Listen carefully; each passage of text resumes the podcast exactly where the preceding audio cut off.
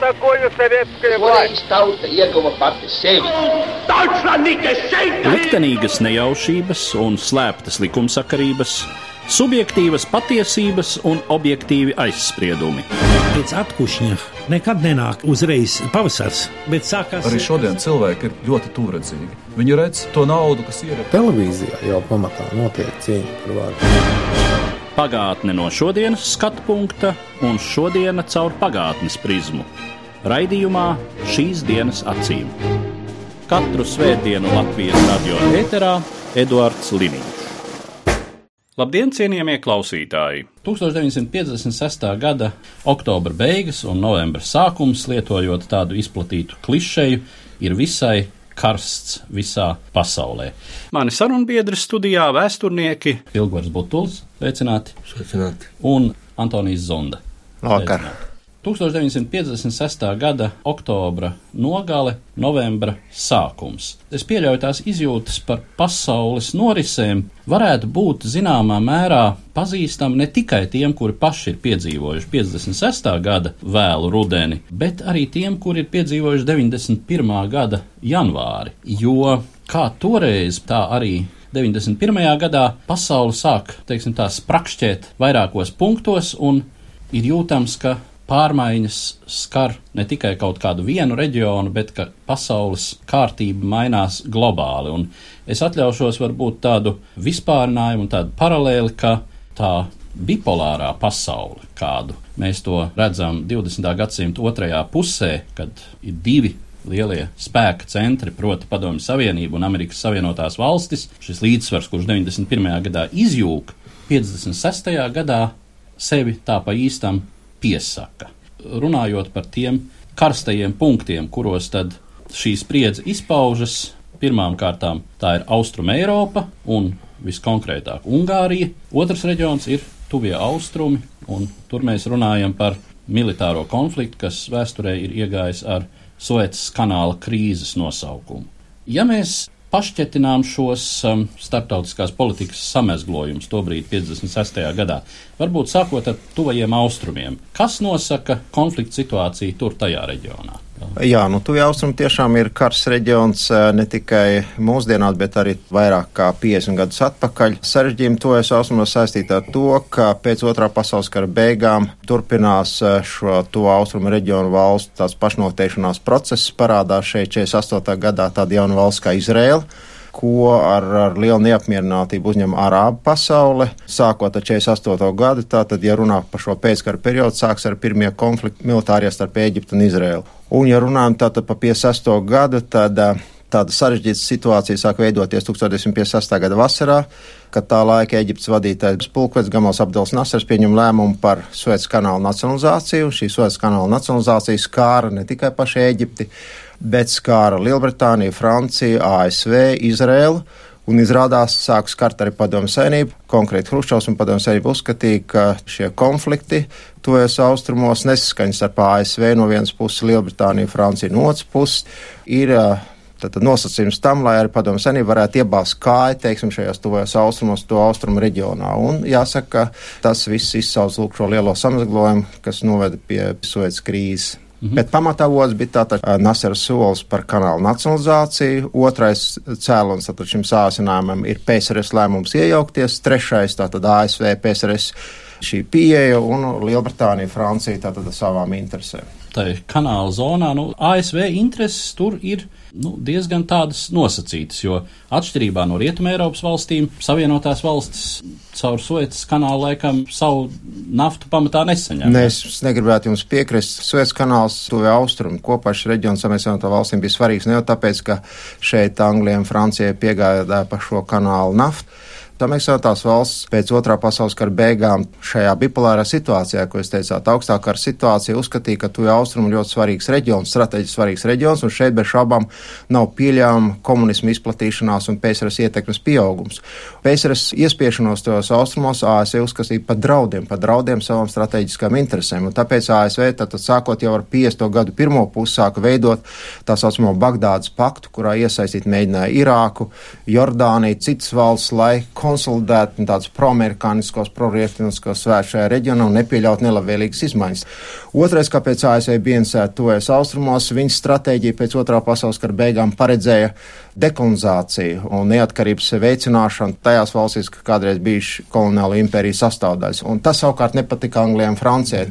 Amerikas un tām valstīm šeit bija ļoti liels intereses. Tās nesaistījās tikai ar naftu, bet kaut ko plašāku. Es no savas puses varbūt gribētu pāris momentus šeit pasvītrot Anglijas un Francijas nostājā. Daudz pētnieku runā par to, ka Anglijai un Francijai bija tā laikā vēl tā sauktais Minhenes sindroms. Jo salīdzināja Naseru ar Hitleru. Jā? Tātad mēs nedrīkstam lūk, ļaut nedemokrātiski risināt lietas. Un jau pašā saknē un pašā sākumā ir jāpārtrauc tādi mēģinājumi. Otra lieta, tā bija varbūt pēdējā iespēja šīm valstīm, eh, Francijai un Lielbritānijai, mēģināt sevi parādīt kā lielvaras, jā, kur jau šī koloniālās impērijas sāk jau brukt pa visām šuvēm, un vēl ar vienu būt specifiska, tāda no Francijas puses, tajā laikā ir jau arī karš Alžīrijā, un Francija mēģina ar tādu potenciāli veiksmīgu darbību Ēģiptē, uzskatot, ka Nasers ir tas iniciators, kurš arī lielā mērā stutē un atbalsta Alžīriju, tātad uzvarot Ēģipti, kaut kādā veidā beigt eh, ar uzvaru karā Alžīrijā. Tas, kas varbūt eh, no šodienas viedokļa droši vien daudziem var šķist neparasti tā brīža situācijā, ka nav vienot viedokļa starp visām rietumu lielvalstīm. Protams, eh, vēl viens tas nozīmīgais faktors, ko jūs jau minējāt, ir Izrēla.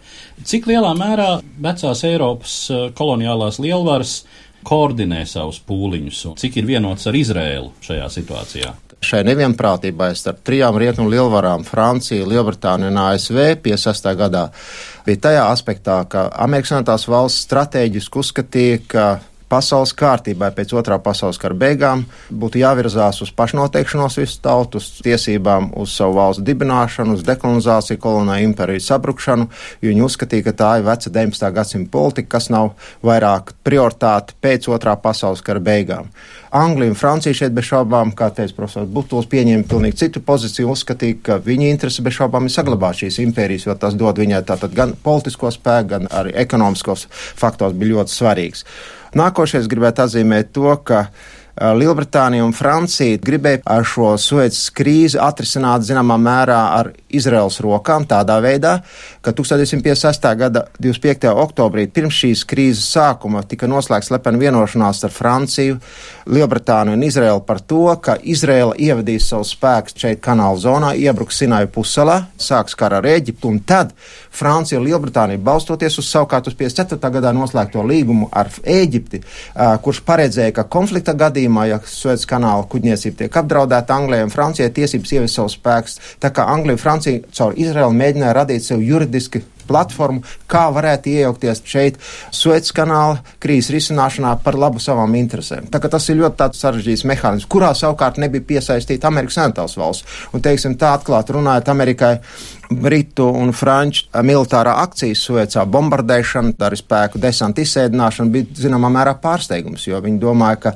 kā jūs teicāt, ka sabiedrotie NATO valstis tomēr realizē saskaņot politiku. Šajā gadījumā tad šis saskaņojums izpaudās pilnīgi pretēji kā nesaskaņošanās. Tajā pašā laikā dramatiski notikumi notiek arī Austrumēropā kļūst vaļīgas tās saites, kas sien klāt Austrumēropas valstis pie Maskavas režīma. Kas tad notiek tajā brīdī Austrumēropā, profesor Butu? Protams, 56. gads Austrumēropā tas ir īpašs sarunas vērts. Un tas ir tāds ļoti nopietns un sarežģīts process, bet fakts ir tāds, ka vesela notikuma virkne savā starpā saistīta.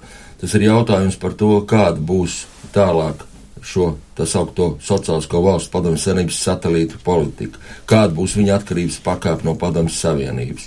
Cik lielā mērā šo totalitāro politisko iekārtu, totalitārismu, varbūt aizietos drusku mīkstāks, autoritārs formas. Tagad pēdējie pētījumi ir interesanti, ka, lūk, ne tikai tā tāda jau Maskavā, teiksim, šī Hruščova runa 56. gada 20. kongresā, tad notikumi Polijā, notikumi arī Ungārijā, bet ir pat ziņas tagad un vesela virkni pētījumu, kā ir ietekmējusi, piemēram, Polijā Poznaņas sacelšanās strādnieku 56. gada vasarā, un pēc tam arī Ungārijas notikumi dzīvi ir pārunāti, un pat šā tā ir ietekmējuši arī strādnieku kustību Ķīnā. Tas ir tāds grandios process, kurš vēl līdz galam varbūt nav apjauts, bet tie runā konkrēti par Ungāriju. Jautājums ir tāds 56. gada oktobra beigās un novembra sākumā, kādu ceļu viņa tālāk ies, un vai šis Ungārijas piemērs, kā Ungārija kā neatkarīga, kā neitrāla valsts, vai Padomu Savienība to akceptēs vai neakceptēs. Līdz tam nonāk oktobra un novembra mēneša mijā,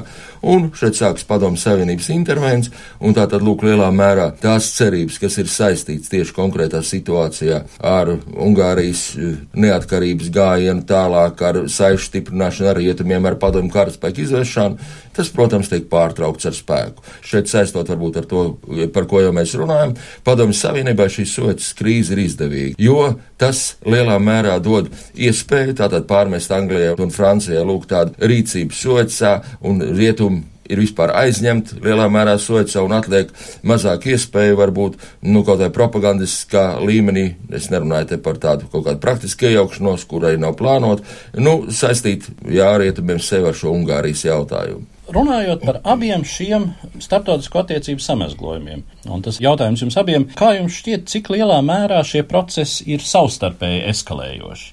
Es domāju, ka šeit kaut kāds uh, paralēls varbūt nevajadzētu vilkt. Es domāju, ka Ungārijas notikumi vairāk saistīti varbūt konkrēta situācija padomu sēnībā, Staļina nāvi, šo atkusni, cerībām kaut kādām, varbūt ka kaut kas var mainīties nākošais, tātad izmaiņām tā arī pašā šajās Austrum Eiropas valstīs sabiedrības noskaņojums, jo šī stalinizācija tomēr tātad jau bija sasniegta zinām pakāpi, viņi redzēja, kas šis režīms ir un ko tas nozīmē. Nākošais varbūt vajadzētu atzīmēt, ka bija 55. gada Ženevas konference, kas pasaulē noskanēja kā tāds uh, Ženēvas gars, kā apliecinājums to, ka austrumu rietumi sākuši dialogu. Iziet no šī ģenerālā uzstādījuma, bez šaubām, tādā veidā varbūt šīs izmaiņas arī saistās piemēram, Staļina nāve, Ženēvas konference, kaut kādi rūkšanas procesi trešajā pasaulē bet tas būtu kaut kāds strateģisks plāns, ko būtu parakstījis, piemēram, tajā laikā Eizenhauers vai Hruščovs, tas, man liekas, ir nenopietni. Mēs jau zinām, ka pasaulē visi procesi, tāpat kā fizikā, ir savstarpēji saistīti. Viens kaut kāds grūdienis var izsaukt rezonanci kā zemestrīce kaut kur citā pasaules daļā. Un es domāju, ka no šī aspekta skatoties, bez šaubām šos procesus nevar nodalīt. Es gribētu teikt to, ka saistīti viņi varbūt ir vairāk ar sekām, ja nevis cik daudz ar šiem scenārijiem, noris un tā tālāk joprojām sekām, gan es domāju, ka šeit tas ir viennozīmīgi saistāms. Jo, ja runā par sekām, tad uh, Ungārijas krīzes smagākā seks bija tas, ka rietumi apliecināja, ka viņi neiejauksies un nepārkār šo sarkano līniju, un līdz ar to tad, tad tas bija signāls tautām Austrum Eiropā un Baltijā, ka cerēt uz kaut kādu palīdzību no rietumiem, tas ir pilnīgi izslēgts. Šī palīdzība var būt politiska, propagandiska, diplomātiska, vārdos, bet ne kaut kādā konkrētā rīcībā. Un līdz ar to es domāju, ka tādā veidā tas nāca kā liels iegūms padomju senība. Bet, ja runā par soets, tādām lielām mācībām tā parādīja, pie kā noved nevienprātība sabiedroto starpā. Un šī nevienprātība izpaudās tādā veidā, ka uz tā rēķina parādījās ļoti nopietnas aktieris, to es austrumos padomju senību. Šodien ir pagājuši tātad vairāk kā 60 jau gadu. Kāpēc šeit nav miers šajā reģionā? Es tā domāju, ka viens no nosacījumiem ir tas, ka šeit ir iejauksies padomju senība savu laiku 50. gadu otrajā pusē, un padomju senība tos austrumus vienmēr uzskatīja kā iespēju, teiksim, kā vājināt šos rietumus, iespiesties rietumu ietekmes sfērā, strateģiski svarīgā ietekmes sfērā, kur ir nafta, kur ir transporta mezgls, un tādējādi varbūt šajā bipolārajā pasaulē un vispārējā sacensībā vājināt rietumus. Tādā ziņā vajadzētu skatīties ar uz to. Es domāju, ka šeit saistība var būt pilnīgi piekrītot tam, ko profesors Zuna teica. Es domāju, ka tieši varbūt tādā diplomātiskās cīņas ziņā, jo šajās ļoti, teiksim, tā piesātinātajās dienās, oktobra beigās, novembra sākumā, 56. gadā, Padomju Savienība dabiski zondē šīs iespējas militāri iejaucoties Ungārijā, kāda būs pasaules reakcija, kurš kā reaģēs. Dienvidslāvija skaidrs, kā reaģēs. Notiek tikšanās starp Hruškovu un Tito. Un šī soļas krīze, kas arī tad notiek, protams, nesaskaņot, nu, bet tā tas ir, viņa padomju savienībai kā reizi ir izdevīga, ja no šāda viedokļa. Daudz mazāk iespēja vienkārši iejaukties, neiet runa par bruņotu iejaukšanos, bet kaut kāda spēcīgāka, varbūt propagandistiska no rietumu puses, jo patiešām rietumi ir sašķelti, viņus nodarbina soļas jautājums, un, protams, Lielbritānija un Francija, un arī pat Vācijas, varbūt Federatīvo republiku, vienkārši nav laika par to runāt, bet arī lielā mērā nodarbina vairāk varbūt šīs soļas problēma. Padomu pozīciju aizstāvot Ēģiptes intereses Suecas konfliktā. aprobežojas tobrīd ar diplomātiskiem līdzekļiem. Bet uh, padomju militāra iejaukšanās šai konfliktā Eģiptes pusē, cik tas tobrīd ir reāli? Tas pavisam nopietni attiecībā uz šo pirmo jūsu apgalvojumu. Jā, Lielbritānijas, Francijas vadītāji saņēma šādu Hruščovu vēstuli, kurā bija izteikts brīdinājums divos veidos. Viens, ka arī padomu senība var iejaukties militāri un dot triecienu piesim šo Anglijas, Francijas pilsētām, un tā skaitā pielietot kodolieroči. Viens un otrais bija, ka viņš teica, ka padomju savienība var nosūtīt savus brīvprātīgos, jo padomju savienībā tautas vidū, kā Hruščovs teica, ir ļoti liels atbalsts neatkarības kustībai un nu, tieksmei Eģiptei iegūt patstāvību, un līdz ar to viņš teica, es pat aizsūtīšu savu dēlu šajien, kas arī kā brīvprātīgais pieteicies. Tā kā tas ir pavisam nopietni, bet, ja runā par praktisko pusi, es domāju, ka lielākā daļa pētnieku, vismaz, ko es esmu lasījis, Kalva Karesa Lundas tāds piesim, kas ir rakstījis grāmatu Kīles, Vilnius Kīlers par šiem šiem jautājumiem, tātad starptautiskās attiecības pēc otrā pasaules kara, uzskata, ka tas bija blefs no padomju savienības puses, ka viņi praktiski to nevarēja pielietot. Pirmkārt, tehniski nebija šāda iespēja iejaukties. Tas nav saistīts ar 60. un 70. gadiem, kad tur tiešām bija bāze līdz Nasers izdzina padomju savienību 70. gadu sākumā no Ēģiptes. Tad viņi gan to varēja izdarīt, bet tajā laikā pie 6. gadā viņi tikai gatavojās šeit ietojas austrumos, izmantot šo iespēju iebāzt šo kāju šajās pavērtajās durvīs caur šo Naseru, caur ieroču piegādēm, caur Asuānas aizsprosta finansēšanu tādējādi sākt veidot savus atbalstu punktus šeit. Tā kā es domāju, tas ir vairāk blefs. Tas ir tāds atomu blefs, lai padomu savienība vienkārši mēģinātu iespiesties un runāt līdzi šajā atomu sacensībā. Viņi jau mēģina tātad šo atomu šantāžu. Es pilnīgi piekrītu profesoram Zundam. Tātad pētnieki, es domāju, autoritīvi pētnieki viennozīmīgi uzskata, ka vienīgā lielvara, kas iejaucās un kas panāca ātri tātad šīs Suecas krīzes risinājumu, proti Angļu un Franču izvākšanos tātad no šīs uh, zonas, Izraels uzbrukuma apturēšana, tās bija Amerikas valsts, kas izmantoja visas sviras, politiskās, diplomatiskās, finansiālās sviras, lai šo konfliktu ātrāk izbeigtu. Ir vēl viens faktors visā šajā situācijā. Mēs runājam par šo bipolāro pasauli, lielā mērā tas tā ir, bet nu, arī šajā bipolārajā pasaulē ir vēl tas uh, trešais lielais spēlētājs, kas to brīdi jau sāks jau pieteikt, un tā ir Ķīna. Tobrīd tas fakts, kas man šķita interesants, ka Ungārijas notikumiem sasniedzot savu dramatiskāko kulmināciju, Maskavā viesojas liela Ķīnas kompartijas delegācija, un Hruščovs eh, visnotaļ uzklausa ķīniešu diplomātu un šo ķīniešu partijas biedru izteikumus. Ar viņu muti, protams, runā tobrīdējais Ķīnas uh, komunistu un, un Ķīnas valsts vadītājs Mao Zeduns. Tad Kruščovam Mao viedoklis par to, kā rīkoties Ungārijas gadījumā, ir diezgan būtisks. Ko mēs par to varam sacīt? Jā, nu es domāju, ka šeit arī Tas ietverās tātad šīs konsultācijas ar Ķīnu, vispār šajās konsultācijās ar tā laika satelītu sociālisko valstu vadītājiem, jo, protams, padomu saimnībai ļoti nozīmīgs ir Ķīnas viedoklis, nu, 56. gadā, teiksim, Mauca Duna viedoklis attiecībā uz Ungārijas notikumiem ir viennozīmīgi tāds, ka tur praktiski ir jāiejaucas. Ķīna akceptē.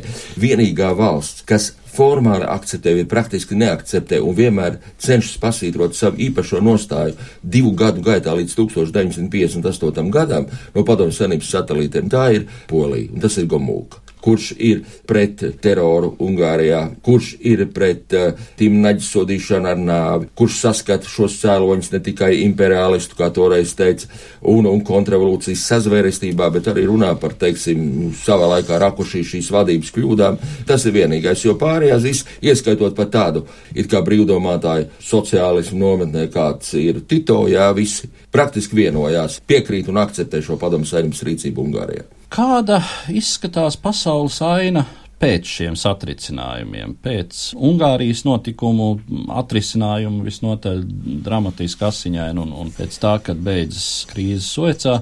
Nu, faktiski mums tuvāka un daudz interesantāka laikam gan ir tā Ungārijas realitāte, kas veidojas pēc šiem notikumiem. Ja?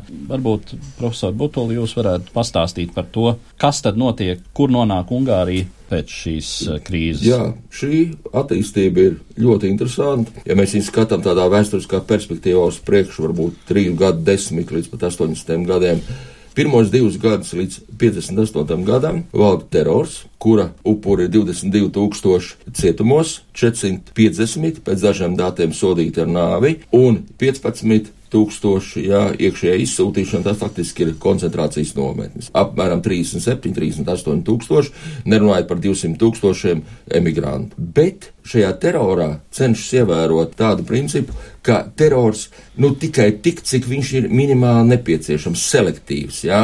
Tikai tie, kurus patiešām vajag izolēt, bet tas nav staļiniskais terors. Pēc tam 58. gadu šis terors tiek jau mazināts un 65. gadā notiek vispārējā amnestija, bet galvenie uzdevumi, kurus sev sprauž valdība šī komunistiskā, ir jāpanāk, lai tauta uzskatīt tomēr šo režīmu par leģitīmu, lai atbalstītu, lai nekad nepieļautu tādas svārstības, tik nestabilu situāciju, kā tas bija 56. gadā, un lai celtu iedzīvotāju dzīves līmeni. Tātad sāk šī politika jau 60. gadu sākumā faktiski, ko sauc par kadarizāciju, pēc kadara uzvārda. Un šai politikai ir ārkārtīgi da dažādas izpausmes. Tas nozīmē ekonomiskās reformas. Ungārija viennozīmīgi ir Austrum Eiropas flagmanis. Tas nozīmē lielā mērā dzīves līmeņa celšanu, jo dzīves līmeņa ziņā tādā vidējā Eiropas līmenī un Ungārija un salīdzinoši augstākā starp pārējām šā laikā sociāliskām valstīm Austrum Eiropā. Vēl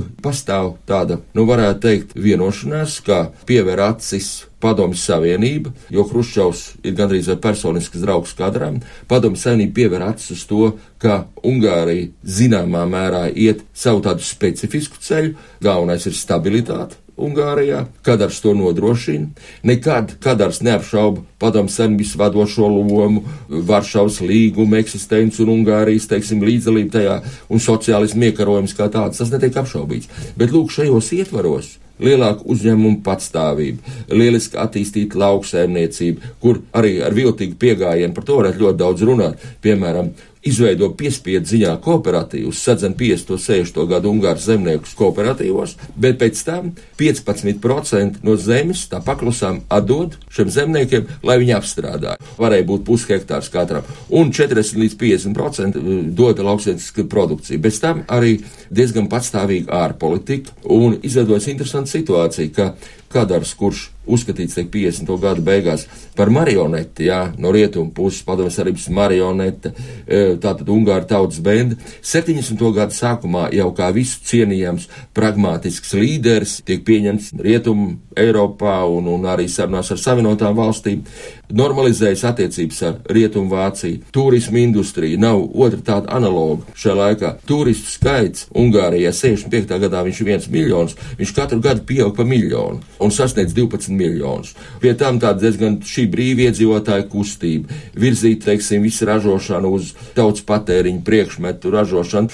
Nu, šeit plaši pazīstamais Ungāru kino zelta laiks, arī literatūras šīs diskusijas. Ungārija varētu teikt tāds brīvības priekšpostens. Protams, tas viss ir ne tik vienkārši, tas ir sarežģīti, tas ir ar atplūdiem, jā, 70. gadu sākumā, bet uh, līdz pat 80. gadiem šis process ir, un neapšaubām šeit arī ir kadram, protams, kā personībai loma, tiek likvidēts šis rakušī lozungs, kurš pastāvēja līdz kadram, kas nav ar mums, tas ir mūsu ienaidnieks. Un kadars izvirza lozungu, kas nav mūsu ienaidnieks, tas ir ar mums. Šī Ungārijas sabiedrības attīstība, protams, kadarizācija ir ārkārtīgi interesants process, par to varētu daudz runāt. Runājot par tuvajiem austrumiem, tobrīd nu, Eģipte tā kā nonāk diezgan noteikti padomju aģenta statusā, tur tuvajos austrumos. Bet eh, kāds ir tālākais eh, šīs situācijas risinājums? Varbūt vajadzētu sākt ar galvenām konsekvencēm, tātad kādas izsauc šī Suets krīze tuvojas austrumos. Pirmais,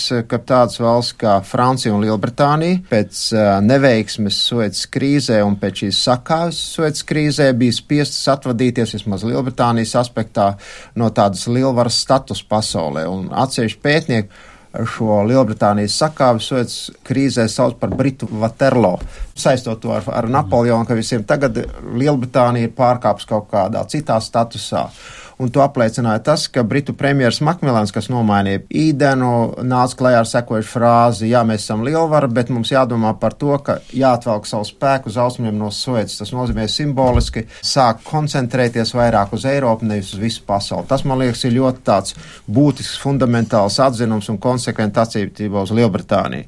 Diezgan sarežģīta situācija veidos arī pēc Suecas krīzes amerikāņu valstīm, kas domāja, ka atbalstot nacionālo atbrīvošanās kustību, viņi kļūs par, teiksim, ne tikai arābu pasauli, bet par visu pasaules, tātad trešās pasaules atzītu līderu un draugu, iznāca pilnīgi pretējais, jo Gamals Abdels Nasers mēģināja sēdēt vienlaikus uz diviem krēsliem, viņš mēģināja izmantot šīs PSRS ASV pretruns, tātad savas arābu valsts un arābu pasaules pozīcijas stiprināšanai. Un šajā sakrā vajadzētu atzīmēt, ka pēc Suecas krīzes Amerikas Savienotās valsts kļuva arābu pasaulē un Ēģiptē par vienu no ienaidniekiem. Savukārt Trešā konsekvence tāda, ka padomju senība kļuva kā par lielāko Eģiptes draugu, kā jūs teicāt, jo padomju senība bija tā, kas uzņēmās finansēt Asānas aizsprost, un Nasaram tas bija tātad kaut kāds jauns ēras, ja sākums arā pasaulē. Nākošā konsekvence tāda, ka bez šaubām pēc šīs Suecas krīzes sāsinājās vēl tālāk Izraels un arā pasaules konflikts, un bija skaidrs, ka šis konflikts nav pēdējais, un ka tāda sekos tuvākā nākotnē, un tāda bija tad 60. un 70. gados,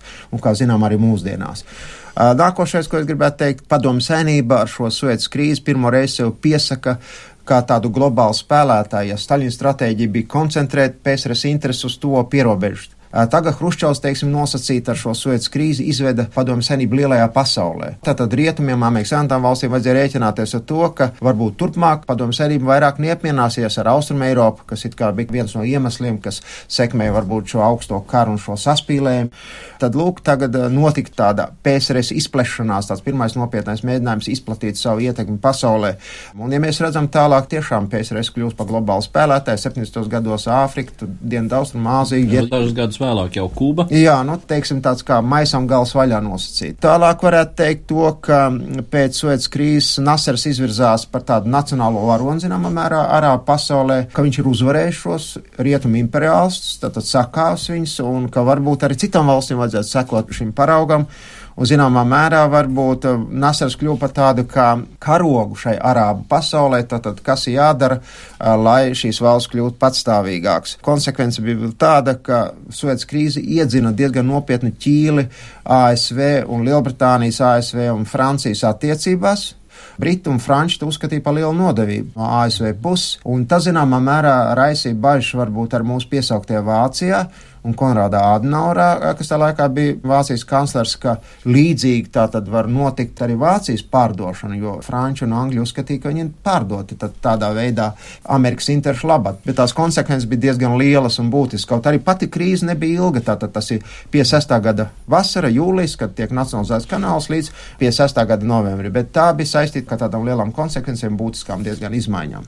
Man viens mazs papildinājums, es nezinu, vai profesors Dunam piekrīts, bet es varbūt attīstot to domu par to, ka pieauga šīs uh, domstarpības starp ASV un Rietumu Eiropu. Es domāju, vai Soķis krīze nav arī kas stimulēja tādus specifiskus momentus Rietumu Eiropā, piemēram, kā Francijas patstāvīgo politiku, atomu politiku, Francijas un Rietumu Ācijas tuvināšanos, sekmēja arī šo, nu, tādu Rietumu Eiropas tādu saliedētību un jau tās praktiskās izpausmes, tad varbūt nepaļauties tik daudz uz savienotām valstīm. Es nezinu, es domāju, ka varbūt uh, Sueca diez vai ir saknes tātad šādam. Nē, nesakne, bet viens no momentiem, kas, franču, kas veicina. Franču tādam antiamerikānismam, bet es domāju, ka galvenais iemesls, tas kā cits stāsts, Francija otrā pasaules kā rezultātā pārdzīvo ļoti smagu tādu savu vēstures periodu, jo viņi tika okupēti, viņi tika psiholoģiski sagrauta, tātad militāri, politiski, ekonomiski sagrauta, un bez šaubām tas bija liels šoks lielajai nācijai Frančiem un Francijai.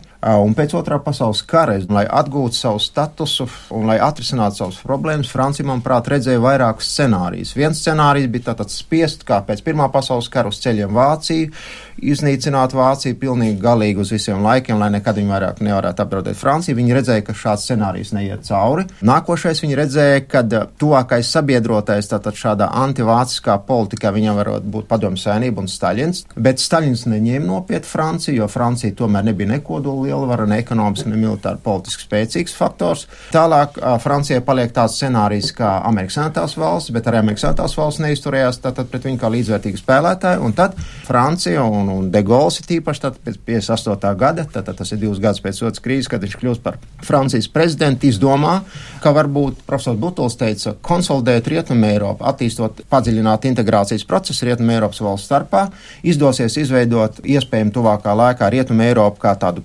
politisku, ekonomisku, zināmā mērā viņam visu laiku ar De Gaulem likās, ka vajag kā militāru faktoru Rietumu Eiropu veidot, un tad, lūk, izējot uz šiem jauniem faktoriem, spēcīga, centralizēta, integrēta, ekonomiski stabila Rietumu Eiropa, politiski stabila Rietumu Eiropa, cieši sadarbojušās Rietumu Eiropa, Francijai izdosies sasniegt savus mērķus. Un, lūk, kā tāds starpsolis ceļā uz šo Rietumē Eiropas konsolidāciju un Rietumē Eiropas karogu pacelšanu augstākā pakāpē, bija jautājums par Francijas un Vācijas mūžīgā konflikta atrisināšanu. Un tiešām 63. gadā, janvārī, tiek parakstīts Bonas Parīzes asas līgums, kas paredzēja jaunas ēras sākšanos un uz mūžīgiem laikiem šī Francijas un Vācijas pretimstāšanas izbeigšanu. Un tikai tad, pēc tam, kad viss tas tika tā izdarīts, 1966. gadā De Gaulle pieņem lēmumu par izstāšanos no NATO militārās organizācijas 67. gadā aizdzen 30 ASV karabāzes un, un visu NATO infrastruktūru no Francijas, un viņi pārceļās uz Beļģiju.